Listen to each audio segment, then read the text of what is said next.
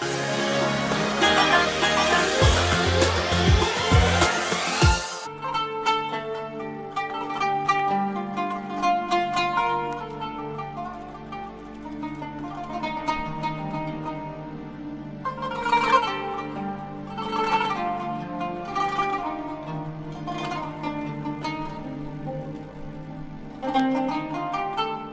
بسم الله الرحمن الرحيم الحمد لله والصلاه والسلام على سيدنا رسول الله واله وصحبه ومن والاه مع انوار النبي المجتبى والحبيب المصطفى صلى الله عليه واله وسلم نعيش هذه اللحظات عسى ان تتنزل علينا السكينه والرحمه فان الرحمات من عند الله سبحانه وتعالى تتنزل عند ذكر النبي صلى الله عليه وسلم.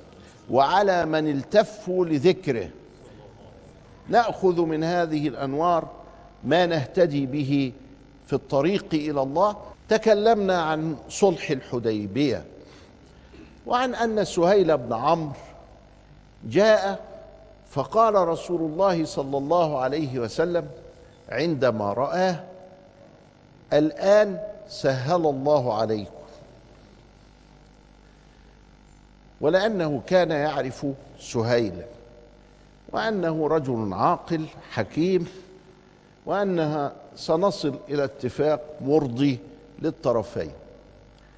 وأنشأوا عندئذ صحيفة الحديبية عهد الحديبية معاهدة الحديبية. وإذا تأملنا فيها وجدناها على أربعة بنود. وذكرنا أنه في بدايته قال بسم الله الرحمن الرحيم. قال لا ندري ما الرحمن وما الرحيم. اكتب باسمك اللهم. وكان الكاتب علي ابن أبي طالب وكان كاتبا قارئا. فمحى الرحمن الرحيم باسمك اللهم. بسيط خلينا عايزين الموضوع. هذا ما عاهد عليه محمد بن عبد الله رسول الله. قالوا لو علمنا أنك رسول الله ما قتلناك وما كذا وما منعناك. قال له اكتب هذا ما عاهد محمد ابن عبد الله. سهيل بن عمرو قال والله لا أمحها.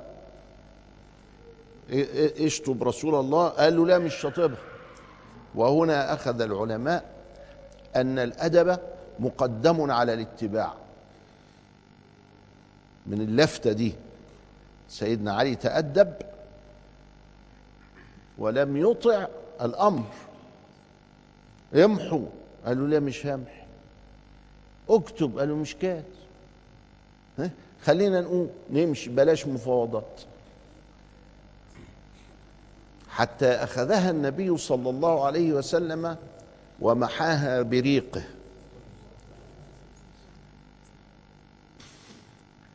فهنا قدم علي عليه السلام الأدب على الاتباع.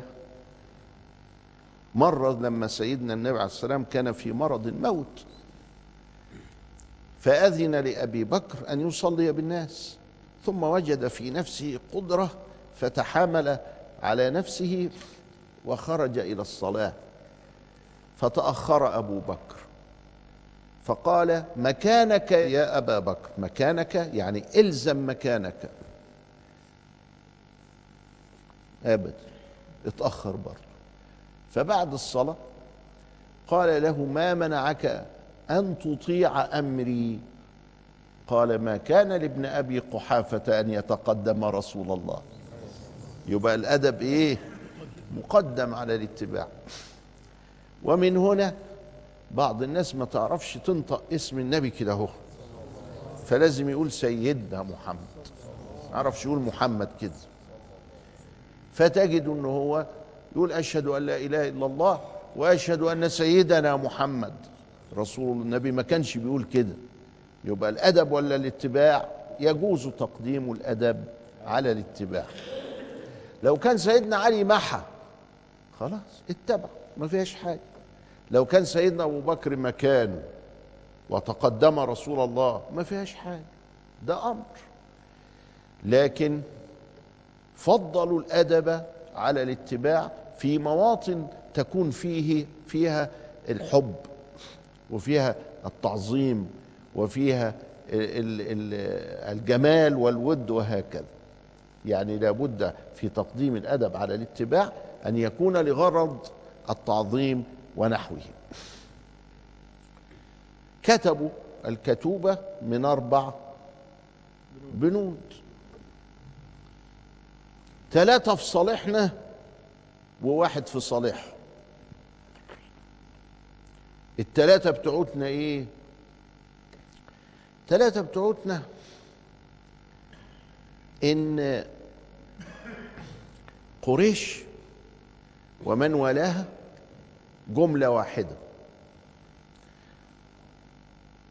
والنبي ومن والاه من القبائل حتى الذين لم يسلموا جملة واحدة. يبقى ده فريق وده فريق بحيث إن أي فريق أي طرف فأنا معايا خمسين قبيلة وهو معاه خمسين قبيلة. أي قبيلة من هنا ولا من هنا ضربت بعض يبقى كأننا بنضرب بعض.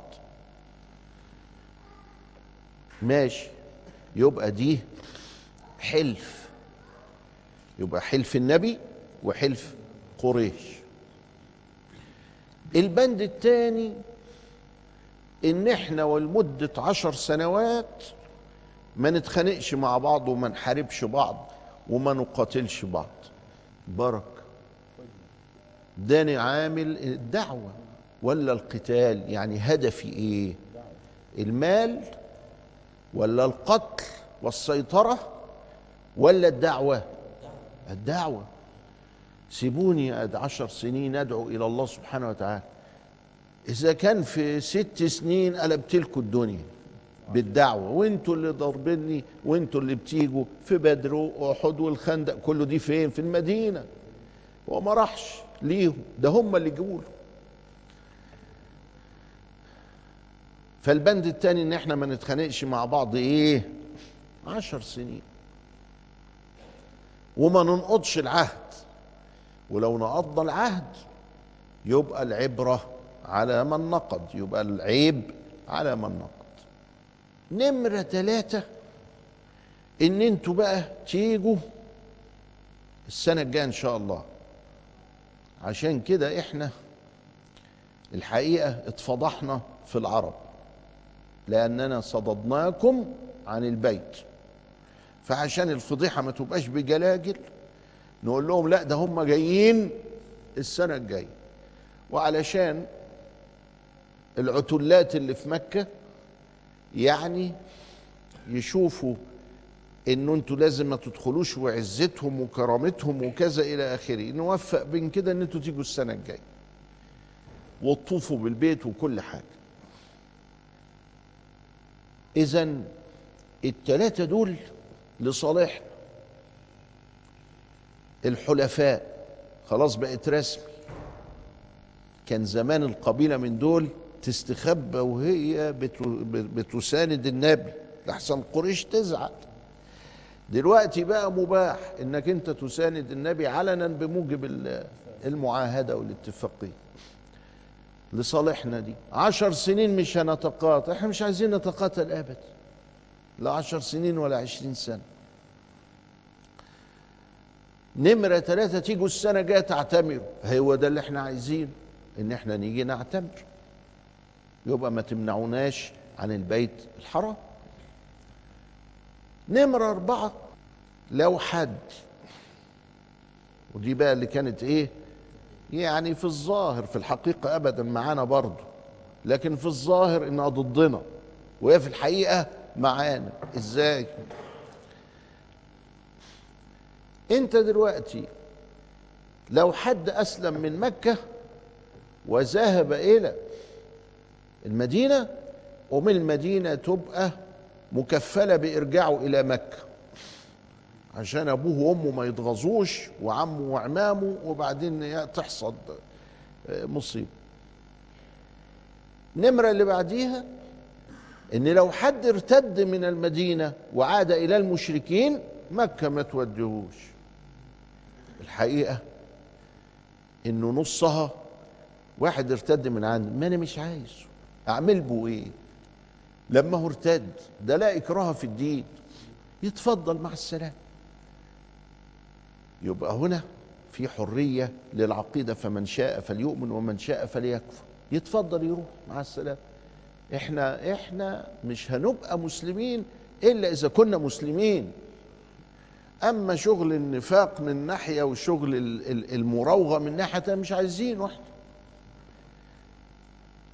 والحتة بتاعت بقى إيه؟ اللي هي الظاهر بتاعها مؤذي إن إحنا لما حد يسلم من مكة إلى المدينة مدينه تكفل بإرجاعه إلينا وإحنا بنقول له شد حيلك اصبر دي معاهدة دي حاجة زي كده.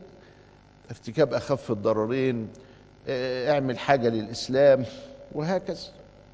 الله يعينك. أربع بنود كانت في الصحيفة دي.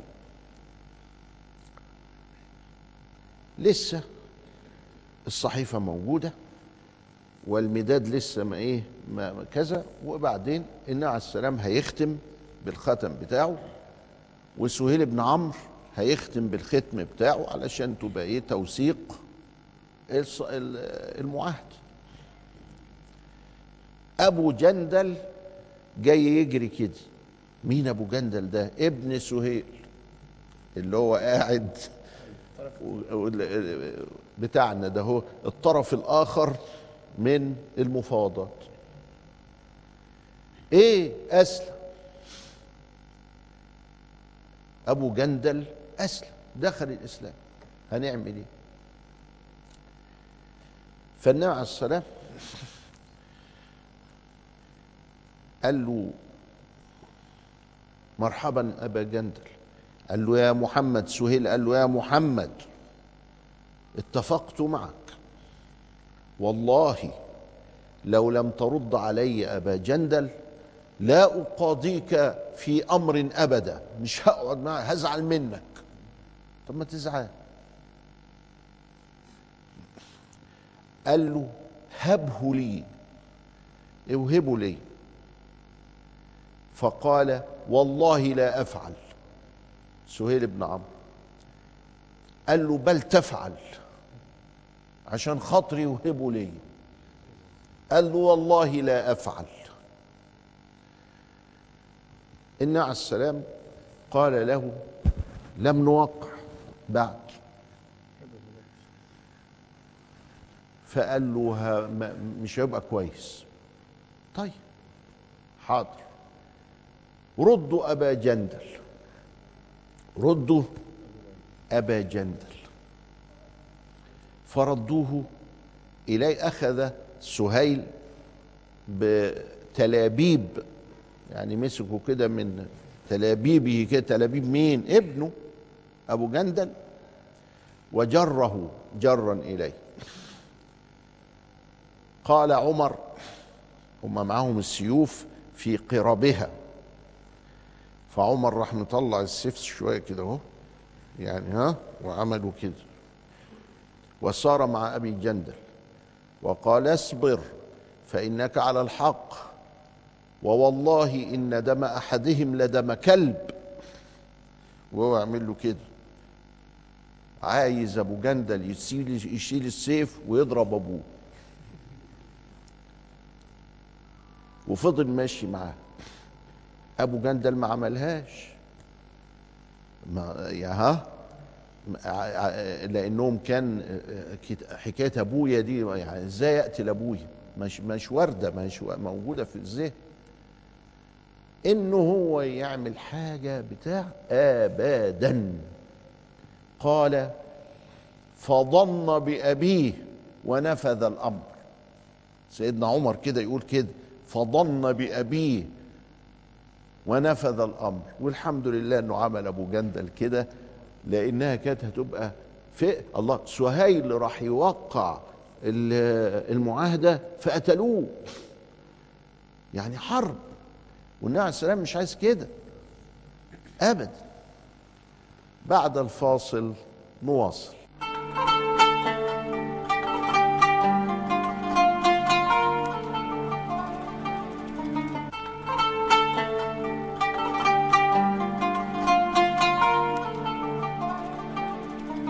بسم الله الرحمن الرحيم الحمد لله والصلاة والسلام على سيدنا رسول الله وآله وصحبه ومن والاه. سيدنا عمر رجع من مسيرته مع أبي جندل قال فضن بأبيه ونفذ الأمر. نفذ خلاص. بس زعلان. رجع وقال لرسول الله لما, لما نقبل الدنية في ديننا يا رسول الله؟ إيه هي الدنية بقى اللي هو قصده عليها؟ إن إحنا صدونا عن المسجد الحرام إن إحنا عملنا اتفاقية نرجع فيها المسلمين. إن إحنا يعني شكلنا كده كأننا ضعاف. فقال ألا إني رسول الله؟ ولا ينصرني الله. يعني اسكت. أنت دلوقتي بس شايف الظاهر لكن مش عارف الحقيقة بتاعت الأمر. ألا إني رسول الله؟ ولا ينصرني الله. ولا يخزني أبدا. سيدنا عمر بيسموها أسئلة الاستحضار. الواحد وهو بيقعد كده بيفكر بيجيله أسئلة بس هو مش متشكك. هو مؤمن وربنا طب افرض واحد مش مؤمن قال لي إن ربنا مش موجود عشان مش شايفينه يعني كأني أقول له إيه؟ الحكاية دي مش معناها إن أنا مش مؤمن بربنا. ده الحكاية دي معناها أسئلة للاستحضار كده. يعني في مشكلة عايزة تتحل. يا إزاي الحكاية دي؟ قوم تتحل قوم يحلها فقال له يا رسول الله ألم تقل لنا إنا نطوف بالبيت؟ انت مش قلت لنا رايحين نطوف بالبيت؟ ها إزاي بقى؟ فقال له أقلت لك في عامنا هذا؟ قلت لك السنة دي يعني هنطوف بالبيت؟ قال لا انت قلت بس كده نطوف بالبيت.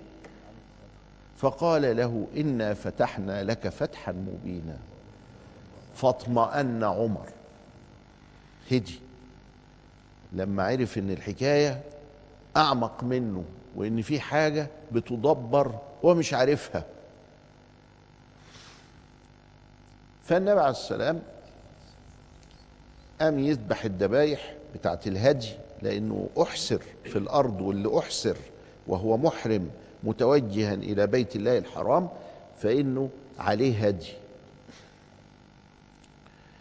فإن احسرتم فما استيسر من الهدي. فقام يسبح وقام فالناس مسكوا البهيمة أو المشية أو كده وبيبعدوها عنه. مش عايزين يذبحوها لسه عايزين يقتلوا يعني.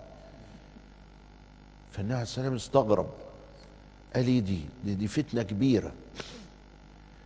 ما أنا لما أجي لك عند البتاع كده قوم أنت تشيح بوجهك وتاخدها يعني أنت زعلان. وزعلان من مين؟ هتزعل من سيدنا؟ ولذلك عمر لما راح لأبو بكر قال له لما نقبل الدنية في ديننا؟ قال ألا إنه رسول الله. ولا يخزيه الله ولا ينصرنه الله. ولذلك نفس الإجابة هنا نفس الإجابة هنا. فدخل النبي وهو حزين خباءة أم سلمة. ما هو اللي معاه من ستاته في الوقت ده ست أم سلمة عليها السلام. فقال إن الناس غض فقالت يا رسول الله لا تكلم أحدا واخرج واحلق رأسك بالسكات كده واذبح شاتك. وما تكلمش حد. فخرج الست واعية وكانت معدودة من المجتهدين هي والسيدة عائشة من أهل الفقه. خرج يعني الراجل هو بيطوع الست بتاعته. يبقى بخلاف اللي مكتوب في التراث من بعضهم إنه شاوروهم وخالفوهم. يقول لك عايز توصل للحقيقة شاور الست بتاعتك. وبعدين بتقول لك يمين امشي شمال. قالت لك شمال امشي يمين. كلام فاضي ما نعرفش جاي منين. لكن جاي من مجتمع يعني إيه حدث فيه هذه الثقافة المغلوطة لكن ده ملوش دعوة بالدين بالإسلام بسنة المصطفى. سيدنا النبي شاور أم سلمة فقالت له يا رسول الله اخرج فاحلق واذبح ذبيحتك ولا تتكلم. فطوعها. ما قالهاش يعني إيه الفرق ما بين اتكلم ولا ما اتكلمش إزاي ما اتكلمش؟ ابدا راح طالع جاب الحلاق إحلق وراح قايم ذابح. فبدأوا في الذبح. ابتدى كل واحد منهم إيه؟ يذبح. وجلس بعضهم يحلق لبعض وهم حزنا.